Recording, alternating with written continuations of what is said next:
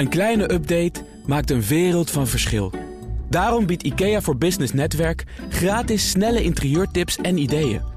Word gratis lid en laat je werkplek voor je werken. IKEA, een wereld aan ideeën. BNR Nieuwsradio. BNR Zaken doen. Thomas van Zeil. Het is al jarenlang een heikel thema in de boardroom, het aantal vrouwen in de top. En nu is er een groep durfinvesteerders dat uh, haalt het gevreesde paardenmiddel van stal, een quotum. Daarover en over heel veel meer praten we vandaag in het boardroom panel, bestaande uit Marieke Baks, commissaris bij Vion, Vastnet en senior advisor bij Deloitte. Peter Wakkie is er ook, advocaat, president-commissaris bij TomTom, ook oud-commissaris bij onder andere ABN AMRO. En mijn zakenpartner is Jacqueline Zuidweg, uh, zakenvrouw van het jaar geweest, directeur van MKB Doorgaan en schulden.nl. Welkom. Dankjewel, Thomas. We gaan het dan toch echt hebben over dat quotum, als het die naam mag dragen. Want binnen drie jaar moet 35% van het management bestaan uit vrouwen. Dan gaat het over de bedrijven waar een groep investeerders in gaat investeren dan die komende drie jaar. Marieke, daar is het dan. Is dit een uh, goede maatregel? Nou, ik, ik denk dat we ons niet moeten vastbijten op het woord uh, quotum. Maar moeten kijken van uh, waar, wat beoogt Fundright eigenlijk, hè, die 25-tal fondsen. En het primaire oogmerk is volgens mij om te zorgen dat goede bedrijven niet zonder financiering zitten. En dat het een feit is dat als je met een bredere blik kijkt naar bepaalde investeringen, je wellicht bepaalde investeringsmogelijkheden niet mist. En ik, ik denk dat het daarom gaat. Mijn oudste zoon zei gisteren: als we nou het woord quota in de headlines van het FD vervangen door afspraken, dan kunnen we het misschien over de inhoud hebben. En ik, dat zou mijn insteek zijn. Maar dat percentage is toch ook echt genoemd. En dan kom je toch in het vaarwater van de harde afspraken die je maakt. Of ik het quotum. ja, ik, ik ben zeker voor. Kijk, zoals op een gegeven moment wordt ook. Het wordt vaak gezegd. Hè, je komt in een soort kip-ei-discussie. En, hoe kan je die discussie doorbreken? En ik denk dat op dit moment deze investeerders hebben aangegeven. een tweetal zaken.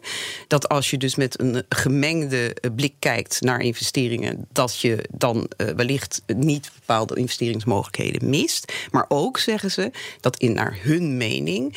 Uh, op een gegeven moment bedrijven met een gemengde samenstelling beter renderen. En dat zijn dus de twee uh, echt zakelijke oogmerken van deze afspraak. Um, en ik, ik als dat laatste waar is, dat je dus een beter rendement behaalt met gemengde managementteams, dan is het eigenlijk heel gek dat je daar afspraken over moet maken. Want dan zou je kunnen zeggen, ja, dat moet je dan eigenlijk vanzelf doen, nou, toch? Ik denk dat dat, daar zit sowieso... Maar ik denk dat we daar te lang mee hebben gewacht. Ja. Hè? Want er is ook onderzoek geweest van Janneke Niesen. Precies. En natuurlijk een prominente vrouwelijke ja. ondernemer. Ja, die daar is dit helemaal uit ontstaan eigenlijk. Klopt, dus daar vind ik dit uh, heel mooi. Dat zeggen van, ja, nu is genoeg geweest. Hè, wij, wij spreken dit uh, met elkaar af. Er zitten geen sancties nee, uh, op. Dus nee, dat wilde ik nog zo, even voor jullie bewaren. Zo, ja, nou, nee. ik ben weer te vroeg, sorry. Maar, nee. nee, maar dus zo zwaar is het ook niet. Maar ik vind het heel mooi dat ze dit, dit zo uitspreken. Ja. En dat de intentie er is. En dan ga je tenminste vaste patronen ga je doorbreken. Van hey, denk even na. Want hè, we renderen uiteindelijk beter gezamenlijk. Nou, dat zullen we later ook nog eens een keer testen. Ja, ik denk ook dat je, weet je, ieder, het is heel menselijk en heel normaal. En niemand zegt dat dat de intentie is. Dat er een zekere bias zit in je denken. Dat, dat is gewoon echt zo. Hè? Dat zien we op dit moment ook in de hele discussie over artificial intelligence. Uh, misschien aardig in verband mijn eigen ervaring met visies uh, te melden. Ik was destijds CFO uh, van een van de eerste internetwinkels. moest geld ophalen bij de venture capital fondsen. Zat bij een gerenommeerd venture capital fonds. waar een meneer mij wist te vertellen dat vrouwen nooit online hun kleren zouden gaan kopen. Dit is negen jaar geleden. Volgens mij wordt redelijk veel kleding gekocht tegenwoordig online. En kocht ik als jonge moeder, jonge werkende moeder, al mijn kleding al via een Engels online bedrijf voor mijn kinderen en mijzelf. Dus uh, was het zo dat deze meneer met deze blik daarmee een investeringsmogelijkheid niet zag?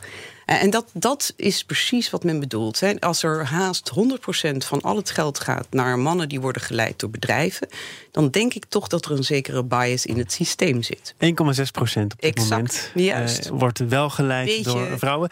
Peter, wat ben je stil? Nee, ik ben niet stil en ik luister uh, geboeid naar uh, de discussie. Uh, ik vind het ook wel een goed initiatief. Het was maar niet helemaal duidelijk hoe groot deze groep is dit, dit, die dit 1,1 miljard doen. Ja, maar ik bedoel, er zit private equity hier ook, eh, equity hier ook bij. nou, de grote capital. private equity fonds. eh. Het tweede was, eh, dacht ik dat er wel een sanctie aan verbonden was. Dat als je hier niet aan houdt, dat ze dan niet in jou gaan investeren in je onderneming. Dat is toch een.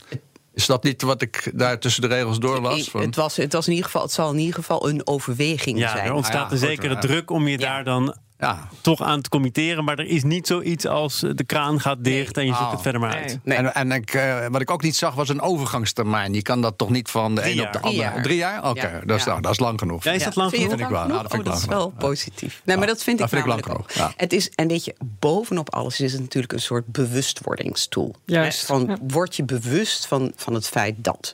Eh, en ik denk dat het vanuit dat oogpunt gewoon bijzonder positief te duiden Ja, maar die bewustwording is er al lang. Hè? Ik bedoel, Ja. De bewustwording dat er gewoon eh, raden van bestuur, raden van commissaris veel diverser moeten zijn, dat is, die is er al lang. Dat merk ik gewoon. eh, Mm, Ja, ja, Ja, als ik, als ik eh, basis. kijk naar, naar dit eh, panel, dat eh, mag ik elke week leiden. En met veel plezier. Dan zijn er twee zaken die eigenlijk altijd wel terugkomen. Kan een keer een weekje overslaan. Maar dan gaat het over beloningen in de top.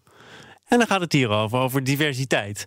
Eh, en dit panel bestaat nu ongeveer anderhalf jaar. Is er nou in die anderhalf jaar dan ook echt iets eh, wezenlijk veranderd? Want dat bewustwordingsproces dat loopt al van daarvoor. En toch komen we dan uit op cijfers. Nou, je haalt het net even aan. 1,6 procent wordt dan geïnvesteerd in start-ups, beginnende bedrijven geleid door een vrouw.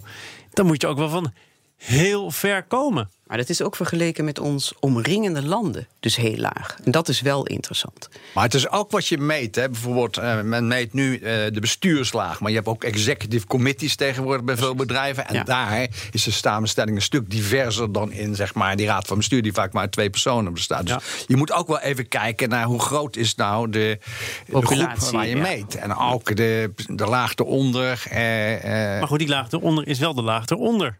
Ja, maar goed, executive committee is niet een laag daaronder. Dat is tegenwoordig het nieuwe bestuursmodel. de facto Als je- is het als je dat bestuursmodel, meet, Is het percentage vrouwen veel, veel hoger Ja. dan. Ja. eh, maar dan, dan, en dus zou je ook zeggen, in die internationale context, waaruit blijkt dat we echt een beetje onderaan bungelen, dat moet je dan ook wel weer in een bepaald perspectief Nou zien. ja, Het dan, is je moet, je iets moet minder geen appels dramatisch. en peren vergelijken. Nee. Ja, dus dat is het enige. Maar goed, eh, er is nog hoop werk aan de winkel. Daar ben ik het allemaal Ja. mee eens. Ja. En als je het hebt over dat, dat kip-ei-verhaal, dan gaat het natuurlijk ook over hè, die bias. eh, namelijk wie investeert dan in wie. Eh, Ja. Die fondsen steken ook, die investeringsmaatschappijen steken ook hun eh, hand in eigen boezem eigenlijk. Hè. Zij Mhm. moeten zelf Ja. natuurlijk ook aan die 35% gaan voldoen. Absoluut. Dus dat, dat melden ze ook heel duidelijk. En ik vind dat ook heel sterk eraan. Maar dat komt terug op het punt van... zorg ervoor dat je echt met een goede mix van mensen... laten we het daar weer houden en niet mannen en vrouwen... een goede mix van mensen kijkt naar zo'n investeringsmogelijkheid. En, en ik ben nog nooit eh, minder wijs uit een, uit een meeting verko- gekomen... waar verschillende inzichten waren. En je, je komt daar altijd wijzer uit. Sorry. Oh, hij is... Is het een man of een vrouw? Kijk, als het een vrouw is, mag je opnemen. Peter Wakkie wordt gebeld. Wel door zijn. Nou, Marieke, wat jij ehm, net zei, dat is interessant. Eh, Ja. Gisteren kwam dit nieuws naar buiten. En Mm. toen hadden wij een gesprek in dit programma met de CEO van Brabantia. Bestaat 100 jaar. Ja. Een man, eh, vijfde generatie of vijfde generatie familie dat daar aan het, eh, aan het hoofd staat. Mhm. Mijn zakenpartner van gisteren, Carolien van der Landen, wilde dit thema bespreken. En ik vroeg, ja, hoe zit het eigenlijk dan in de top van Brabantia? Mhm. Ehm, en het bestaat uit een, eh, een eh, directieteam en een eh, raad van commissarissen. Nou, in totaal vier mannen, één vrouw. Nou, dan zie je het al aankomen. Dan kom je procentueel natuurlijk ook niet helemaal goed uit. En toen was het verweer, en misschien terechte verweer... ik kijk niet naar geslacht, ik kijk naar een gevarieerd team. Ik kijk naar profielen die bij elkaar aansluiten... en die met elkaar zorgen dat we alles kunnen dekken. Ja, nee, maar dat, dat is natuurlijk een bekend, een bekend argument. Ik denk dat het belangrijk is ook om te zorgen dat je niet alleen kijkt naar die eh, profielen, maar ook naar verschillende eigenschappen. Hè? En je ziet dat in een gemengd team vaak verschillende eigenschappen juist een enorme grote rol spelen. Dus eh, er worden verschillende argumenten aangedragen, altijd om niet echt door te pakken op dit onderwerp. En ik denk dat we die argumenten zo langzamerhand wel Wel uitputtend hebben behandeld. Maar jij zei net zelf, je moet niet misschien hoofdzakelijk kijken naar geslacht. Nee, ik vind, het, ik vind het extreem belangrijk ook. Hè. Er zijn hier in Nederland een, een hele grote groep eh, inwoners van Nederland die een, een allochtone achtergrond hebben. Ook die moet vertegenwoordigd. Maar dat eh, was vooral de discussie ook eh, enkele jaren geleden, of vele jaren geleden. Ja. Op een gegeven moment had ik dat zelf op de werkvloer Ja. ook. Er kwam een van mijn managers naar me toe en zei: Jacques, we hebben een probleem. Ik zei: Oh, vertel. Mm.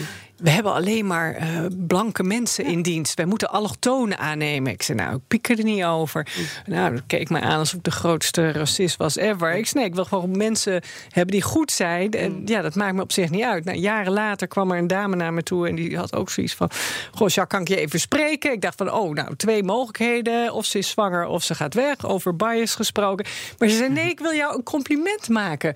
dat je zoveel allochtone mensen in dienst hebt. En ze was zelf een Surinaamse afkomst. Ik zei, joh, Margie, ik zie het niet eens. Ik neem mensen aan die het werk goed doen.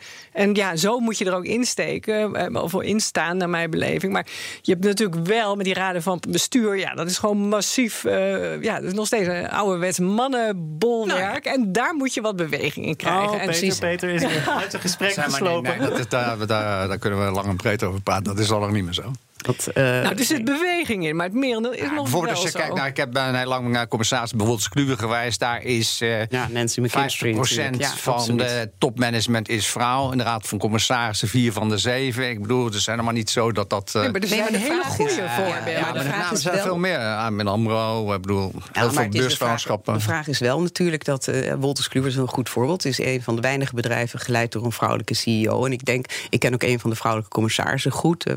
Sarah Lee gewerkt ik denk wel dat dat verschil maakt uh, uiteindelijk. Kijk, de hele notie is dat je op een gegeven moment moet zorgen. Die 35% komt niet nergens vandaan. Hè. Die zorgt ervoor, dat is gewoon uh, de, de psychosociologie. Die stelt dat als een groep eenmaal samengesteld is, ongeveer 35, 65, dan wordt uh, diversiteit als normaal gezien. Dan, wordt het, dan, is het, dan is het geen issue meer, zoals jij net al aangaf. En dan kijk je gewoon naar mensen en dan ga je veel meer kijken naar competenties. Dus ik denk wel dat het wel degelijk belangrijk is om die slag te maken En af en toe heb je een breekijzer nodig.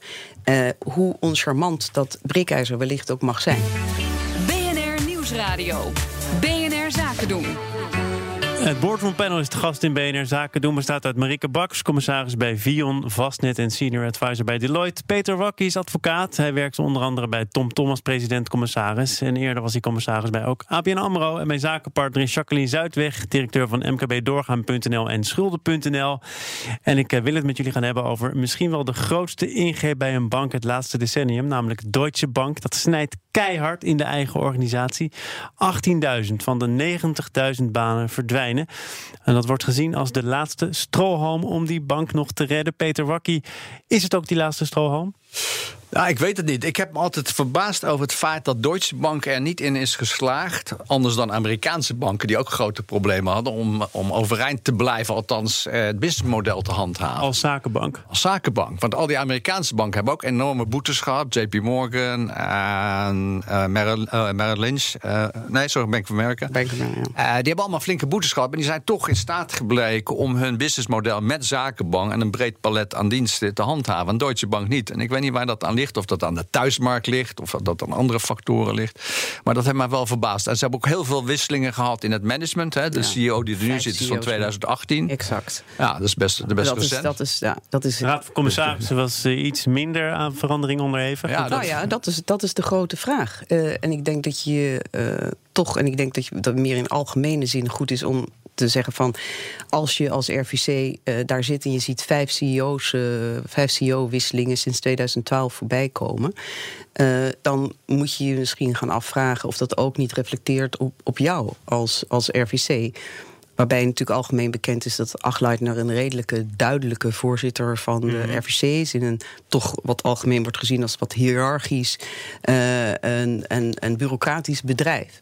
En, en wat Peter ook zegt, sinds 2009 een heleboel bedrijven hebben natuurlijk heel bewust besloten om een heel toxic portfolio uh, zich uh, terzijde te zetten.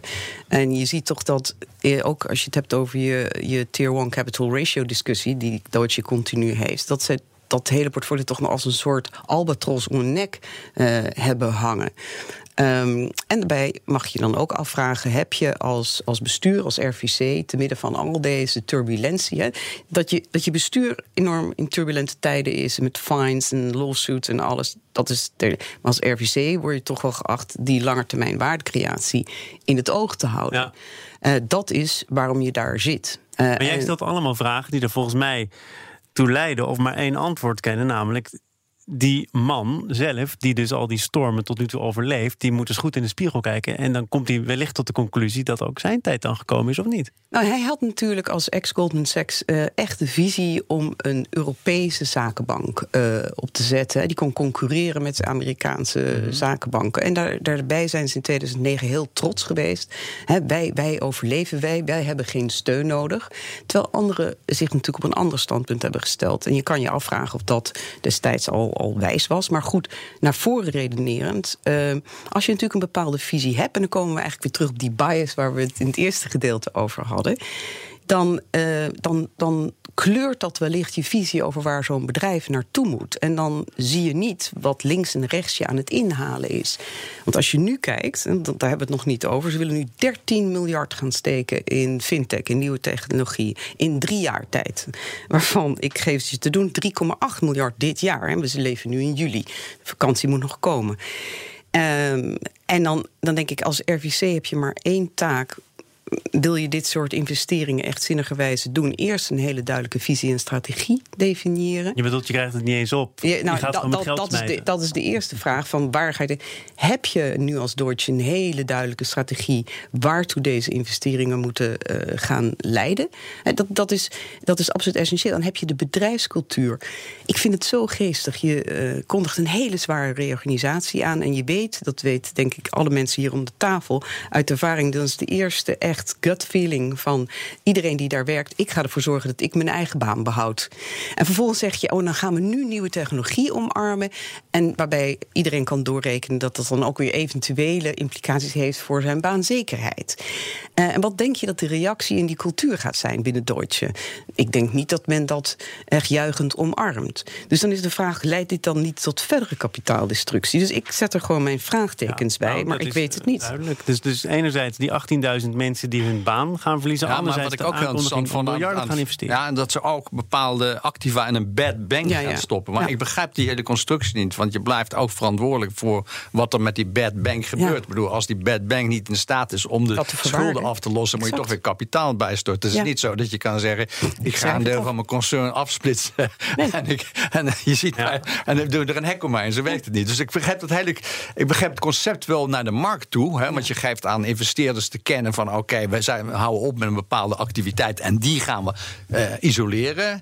Maar de aansprakelijkheid voor die activiteiten blijft precies dezelfde. Ja, dus, ja, ik denk alleen dat accounting technisch het verschillende implicaties heeft en dat ze daarom dan eventueel. Je moet consolideren. Je kan, moet, ja. Bad bank moet je ook consolideren. Denk ja, ik. maar je, je, je, treft denk ik voorzieningen en niet een afschrijving. En dat is wellicht het uh, verschil. Ah. Maar goed, ik, daar ben ik niet technisch genoeg voor in deze. Maar het is inderdaad, ik, ik had dezelfde vraagteken. Maar die raad van commissaris, sorry, is, is gewoon dat is ook wel interessant. In een Duitse context zit natuurlijk voor de helft zijn werknemerscommissarissen, en de helft aandeelhouderscommissarissen. Ja. Die houden elkaar ook vaak gevangen in een klem. Ja. Misschien zijn er wel mensen die zeggen: Nou, ik ben wel bereid op te stappen, maar dan moet er ook aan de andere kant iemand. Uh, het nee, dus gebeurt er niks. Maar, maar, dat is waar. Hè. En vergeet niet, want daar, daar stappen we nu makkelijk overheen. De, de, de hele de Duitse samenleving is natuurlijk nog wat behoudender dan ons. En ze hebben ook inderdaad een hele uh, starre uh, hoe heet het, arbeidswetgeving.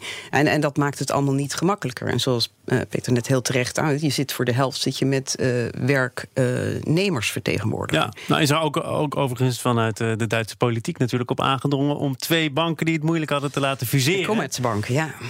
wat niet wat niet gelukt is. Uh, ik weet niet of dat een wereld van verschil had gemaakt. Maar wat, wat nu wel de conclusie is, Peter, en daar begon jij mee, is dat het Deutsche houdt op eigenlijk als zakenbank te bestaan. Ja. Uh, de Volkskrant analyseerde, ja, dan hou je dus eigenlijk uh, alleen nog een paar hele grote Amerikaanse banken over. En dat is eigenlijk ook een treurige constatering. Nou, maar het is gewoon juist, want je ziet heel veel grote M&A-transacties op het Europese continent. Worden allemaal gedaan door Amerikaanse zakenbanken. Ja. Zijn, maar, zijn maar had het uitgemaakt dat er nog een Europese bank was geweest die het ook had kunnen doen? Of maakt het jou eigenlijk helemaal niet uit? Ja, maakt mij wel uit. Ik bedoel, het is natuurlijk toch wel. Ik vind, ik vind het uh, jammer dat er geen grote Europese banken zijn die diezelfde rol kunnen nemen als, JP Morgan, en Morgan Stanley en Goldman. Hoe komt dat dan? Ik denk dat dat gezond ja, dat, dat, dat, vraag ik me dus steeds af. Waarom zijn die wel in staat gebleken te herstellen van de crisis en hun, hun activiteiten te handhaven? En waarom de Europese banken, althans Duitse, veel mindere mate? Dat is, heeft dat te maken met je thuisland, een kleiner thuisland, kleinere markt? Dat is, dat is, uh, of is het te maken uh, gehad met de maatregelen die de centrale dat... banken genomen hebben in Amerika, de geldkraan eerder. Uh... Hmm, nou, Peter zit al jaren met deze vraag. Marieke, heb nee, jij een antwoord? Nee, nee, nee, nee natuurlijk niet. Hè. Er, gaat ook wel, er gaat ook wel het verhaal dat de Amerikaanse autoriteiten vriendelijker zouden zijn geweest tegen de Amerikaanse investment banks en de Europese investment bank met enorme fines hebben opgezadeld. Ehm, wellicht is dat ook niet een bewuste bias, als we nog toch bij dat het woord van de dag ja, blijven. Uh, maar dat zou eventueel een rol hebben gespeeld. Het is natuurlijk ook een, echt een enorme, wat, wat Peter aangeeft, enorme thuismarkt. Uh, niet zo gefragmenteerd. En ik denk dat zij wel degelijk al in 2009 bepaalde problematiek hebben gelost en vrijer waren in hun acteren om naar voren te gaan. Er wordt ook ongehoord veel geïnvesteerd door deze banken. Maar ik ben het ook eens dat dat nou niet echt wenselijk is. En je krijgt toch ook een bepaalde culturele bril die over uh, het Europese wat continent wat, wat had een Europese zakenbank dan? Uh, wat, wat, wat doet een Europese zakenbank anders dan een Amerikaanse zakenbank? Ja, ik, heb, ik heb tien jaar voor een Amerikaans bedrijf gewerkt en, en hen vertegenwoordigd in Europa. En je merkt toch dat er altijd wel een bepaalde vertaalslag uh, overheen gaat. Hè. Je, je, je bent je meer bewust van bepaalde uh, sentimenten die spelen in Europese markten. Uh, en ik denk dat je dat de facto ook dan eventueel wat effectiever kan zijn in je financiering, et cetera. Uh, maar het is een, in ieder geval een, een, complex van factoren wat ervoor heeft gezorgd dat, dat wij nu in de situatie zijn waar we nu zitten. Nou staat dat hele bankenlandschap natuurlijk ter discussie. We hebben het gisteren nog gehad in dit programma over de toekomst van de Volksbank en, mm. de fintechs uh, die jij terecht aanhaalt, waar nu flink in geïnvesteerd wordt. Is het nou denkbaar dat er over een jaar of vijf toch weer een grote Europese zakenbank is? Of is dat nu echt het speelveld voor de Amerikaanse grote banken geworden? Nou, ik ben niet de bankenspecialist uh, erover, maar ze hebben nu wel een enorme voorsprong. Wat vind jij, Peter? Ja, Hoewel ik, eh, mijn ervaring is niet dat zij betere zakenbankiers hebben, gek genoeg, dan de Europese zakenbanken. Maar op de een of andere manier slagen zij er toch beter in om de hele grote deals te bemachtigen. Ja. En dat komt ook vaak omdat Europese bedrijven zelf al richting de Amerikaanse zakenbanken gaan. En niet, denken gewoon, daar moeten we zijn. Daar moeten we zijn. En niet, en niet van, goh, waarom proberen we niet eens een keer een andere route in te slaan? Of mede een andere route in te slaan. Maar, ja. maar het wordt ook een beetje een self-fulfilling prophecy, ja, dat eh, Peter ook aangeeft. En als jij in de Zit en er moet op een gegeven moment een soort beauty contest en we, we, moeten beslissen, dan denkt men toch ook van als je een van de grote Amerikaanse namen neemt, dan zit je wel gebeiteld en je neemt meer eventueel potentieel meer risico. Ik ben het overigens eens ook met die kwaliteitsopmerking van Peter. Er lopen heel veel goede mensen uh, rond hier en het is ook eigenlijk verdomde jammer. En heel. Uh, je, krijgt, je krijgt ook een soort influx hè, van alle goede mensen die wel naar de Amerikaanse uh, zakenbanken gaan. En, en weggaan bij de Europese banken. Dus het wordt dan op, dan krijg je zo'n perfecte cirkelredenering. Er liep ook kwaliteit rond in dit panel. Maar ik ga het panel wel bedanken, want de tijd zit erop. Marieke Baks, Peter Wakje en mijn zakenpartner Jacqueline Zuidweg. Bedankt weer voor vandaag. Het inrichten van je eigen zaak is best wel wat werk. Daarom biedt IKEA voor Business Netwerk 50% korting op interieuradvies. Word gratis lid en laat je werkplek voor je werken. IKEA, een wereld aan ideeën.